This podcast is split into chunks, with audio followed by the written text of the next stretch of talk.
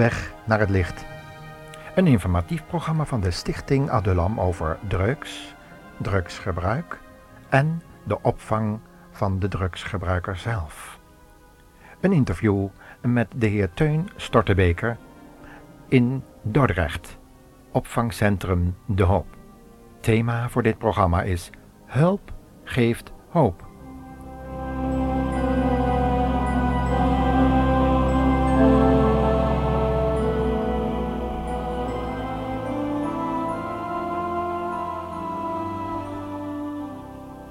In deze speciale uitzending willen we aandacht besteden aan het drugsprobleem en welke initiatieven er ontwikkeld kunnen worden om dit toenemende probleem aan te pakken.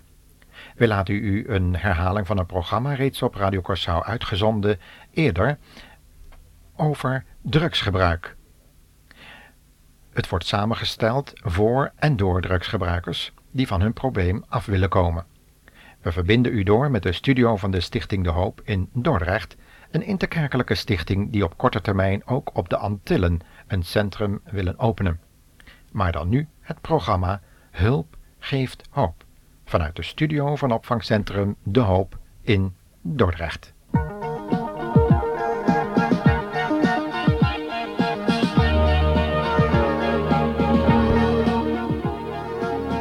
Een wereldstad.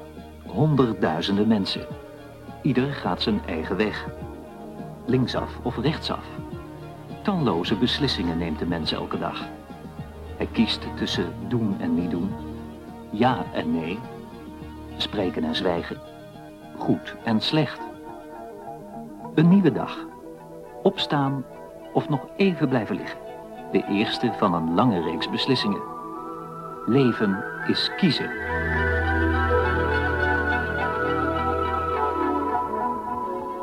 Had momenten, dan stak ik die naald in mijn arm en dan dacht ik ieder moment, nu uh, kan ik doodgaan, nu uh, kan het verkeerd zijn. En uh, daar was ik bang voor en toen heb ik op een gegeven moment de stap genomen van, nu wil ik er echt wat aan gaan doen.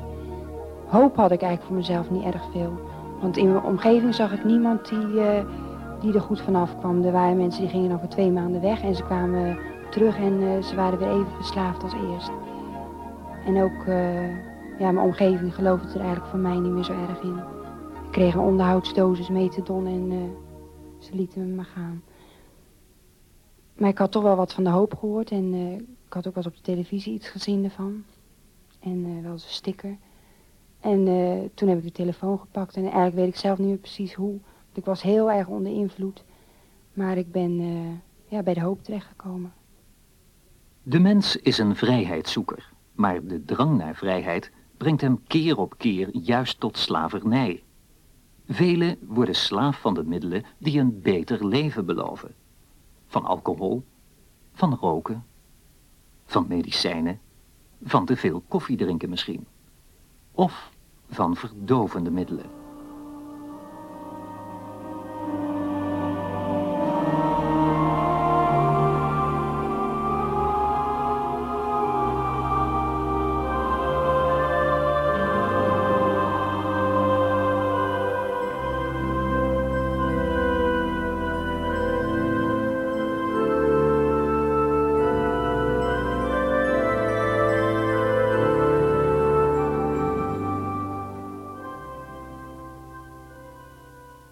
Welkom in ons radioprogramma Op weg naar het licht, meneer Stortebeker. U bent in november 92 op werkbezoek geweest in de Nederlandse Antillen.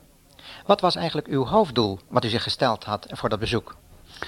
Het uh, allerbelangrijkste doel was om uh, diverse uh, overheidsmensen te, spreken over de problematiek die op de Antillen is. In Nederland is het zo dat steeds meer verzoeken komen van mensen die behandeld willen worden. Eh, die met een verslavingsproblematiek zitten. En uh, bij ons is uh, al een aantal jaren bestaat het idee dat we zeggen van ja, de mensen kunnen wel naar Nederland toe komen voor hulp, maar waarom niet op het eiland zelf?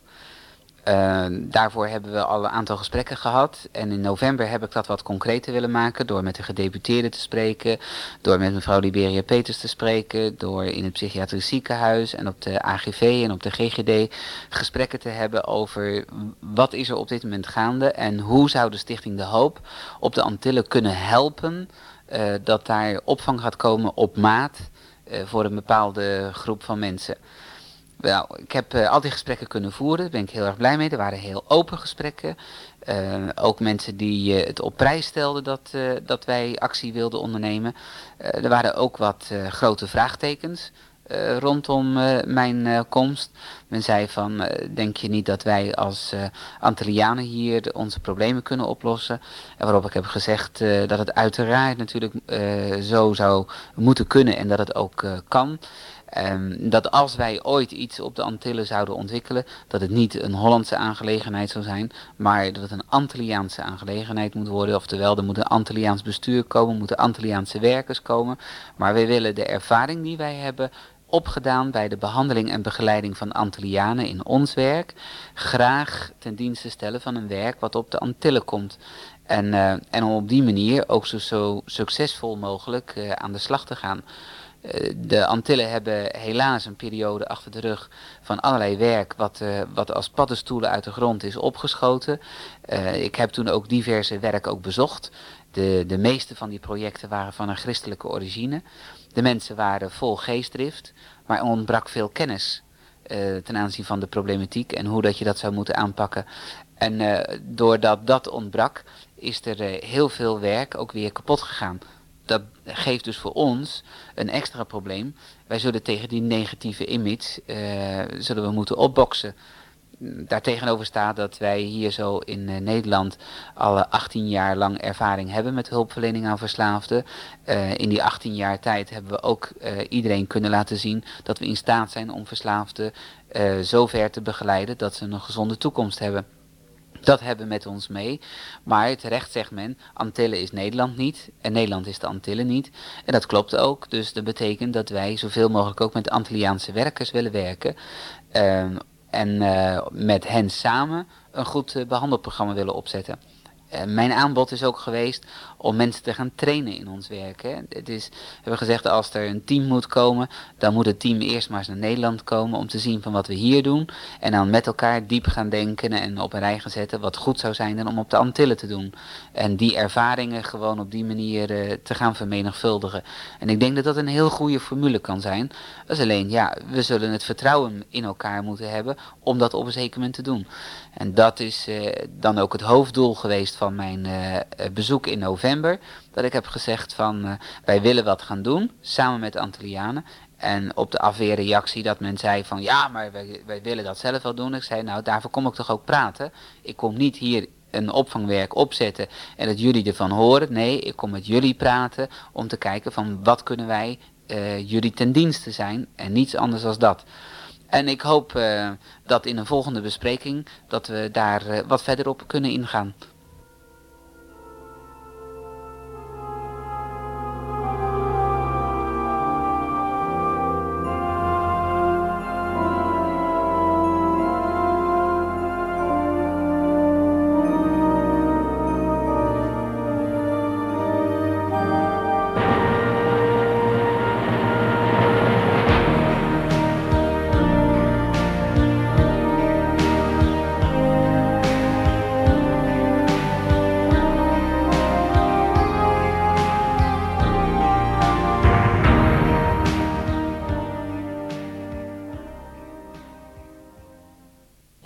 U noemde in uw artikel, uh, wat in dat nieuwe magazine van de hoop uh, uitgekomen is, uh, getiteld Afkikken op de Antillen, het maatschappelijk probleem waar de nieuwe generatie van verslaafden mee te maken hebben.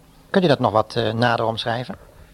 Ja, als ik de mensen spreek, de verslaafden spreek op de Antillen, dan kom je een, een paar kenmerkende problemen tegen. Dat is geen perspectief, werkloos, uh, niet voldoende opleiding of voldoende ervaring om aan het werk te kunnen gaan. En uh, om die reden uh, in cirkels blijven draaien en dan uit verveling op een zeker moment of uit experimenteerzucht in de cirkels van verslaving terechtkomen. Um, dat is een heel nadrukkelijk maatschappelijk probleem dan. Ook de gevolgen als men op een zeker moment verslaafd is. En daar moet je in zijn totaliteit wat aan gaan doen. Dat betekent dat een, uh, een behandeling uh, voor hun verslavingsproblematiek niet op zichzelf kan staan. Die zal ingebed moeten zijn in een totaal maatschappelijke structuur. In het uh, hebben van relaties en contacten, in het hebben van werk of scholing, werkervaring. En die dingen kun je niet los van elkaar zien. Maar dat zijn met name pijlers waar we binnen ons werk in Nederland behoorlijk wat ervaring hebben opgebouwd, omdat wij binnen ons werk die tour ook al opgegaan zijn. In Nederland was de gewoonte ook om uh, mensen maar technisch te behandelen en uh, technisch met ze bezig te zijn. Maar we hebben gezien dat dat is het niet alleen. Je zult moeten zorgen dat men ook na zo'n behandeling goed vooruit kan in de samenleving. En dat zal ook een van de belangrijkste pijlers zijn van het project op de, op de Antillen. niet alleen behandeling, maar ook alles wat er omheen zit. En uh, dat is ons doel. U stelde ook dat 10% van de eilandbevolking als verslaafd beschouwd kan worden. Dat betekent in principe, laten we een bevolkingsdichtheid van zo'n 160.000 mensen op Curaçao alleen al nemen, misschien iets minder. Maar dat er dus sprake is van zo'n 16.000 verslaafden. Hoe, uh, hoe staat u daar tegenover? Ja, dat is een enorme hoeveelheid mensen. Die cijfers hebben we overigens niet van onszelf, want we zijn niet in staat om zo'n onderzoek te verrichten. Uh, dat zijn uh, cijfers die uh, in diverse rapporten al gepubliceerd zijn. En ik vind dat zeer schrikbarende cijfers. Dat was ook een van de opmerkingen van mevrouw Liberia Peters naar mij toe. Die vroeg aan mij van hoe grootschalig denkt u dat project te gaan opzetten. En toen heb ik gezegd niet grootschalig. Ik wil eraan gaan werken dat we nu eindelijk een project hebben waar mensen behandeld worden in een kleinschalige opvang. En waarin we eerst met elkaar eens gaan kijken van wat lukt nou? Wat slaat nu aan? Wat zijn de mogelijkheden nou? En als dat op een zeker moment in zicht is, dan kunnen we eens verder gaan kijken. Dus als ik nu spreek over een project, nou dat zal een druppel op de gloeiende plaat zijn, op een zeer gloeiende plaat. Uh, want je kunt niet beginnen met een uh, project wat groter is als bij wijze spreken 15 verslaafden. En ga daar nou maar eens mee beginnen. Bouw daar nou maar eens ervaring mee op. Uh, met Antilliaanse begeleiders. Om te kijken van, is dit een formule die werkt? Of werkt die niet? En neem daar nou eens een periode van pakweg een jaar of drie voor. Uh, dat je met elkaar aan het werk gaat en experimenteer. Gaat het in die eerste drie jaar hartstikke goed, dan kun je lopen in die drie jaar kun je kijken van gaan we nog eens een project of nog een project of nog een project opzetten. Uh, en is het uh, in die gedurende drie jaar voortdurend twijfelachtig? Nou, dan heb je een periode van drie jaar gehad waarin je in ieder geval hebt kunnen vaststellen van zo moeten we het niet doen. En dan kun je na die drie jaar zien van hoe gaan we het dan wel doen. Want dat is het probleem. Tot op heden is er uh, wat ervaring opgedaan, maar niet met een deskundige inbreng. Het is, uh, als ik dan denk vooral aan de christelijke instellingen, het is meer uit bevlogenheid en bewogenheid allemaal geweest. En dus op zich uh, niets op tegen, als alleen het moet onderbouwd zijn aan professie. En dat is tot op dit moment nog te weinig bewezen van wat daarmee gedaan kan worden. En daar willen we eigenlijk een impuls aan geven.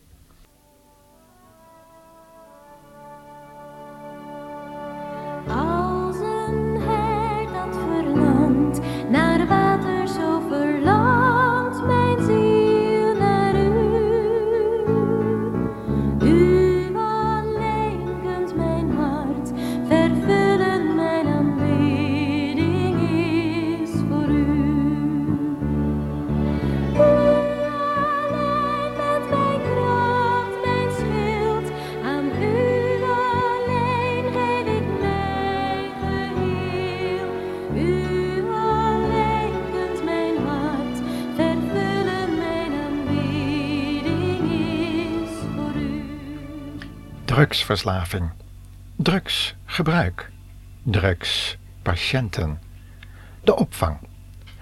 Dit programma is een eerste deel van een interview met de heer Teun Stortebeker, directeur van opvangcentrum De Hoop in Dordrecht. In het volgende programma willen we graag hiermee verder gaan vanwege het belang van dit onderwerp. God zegen u.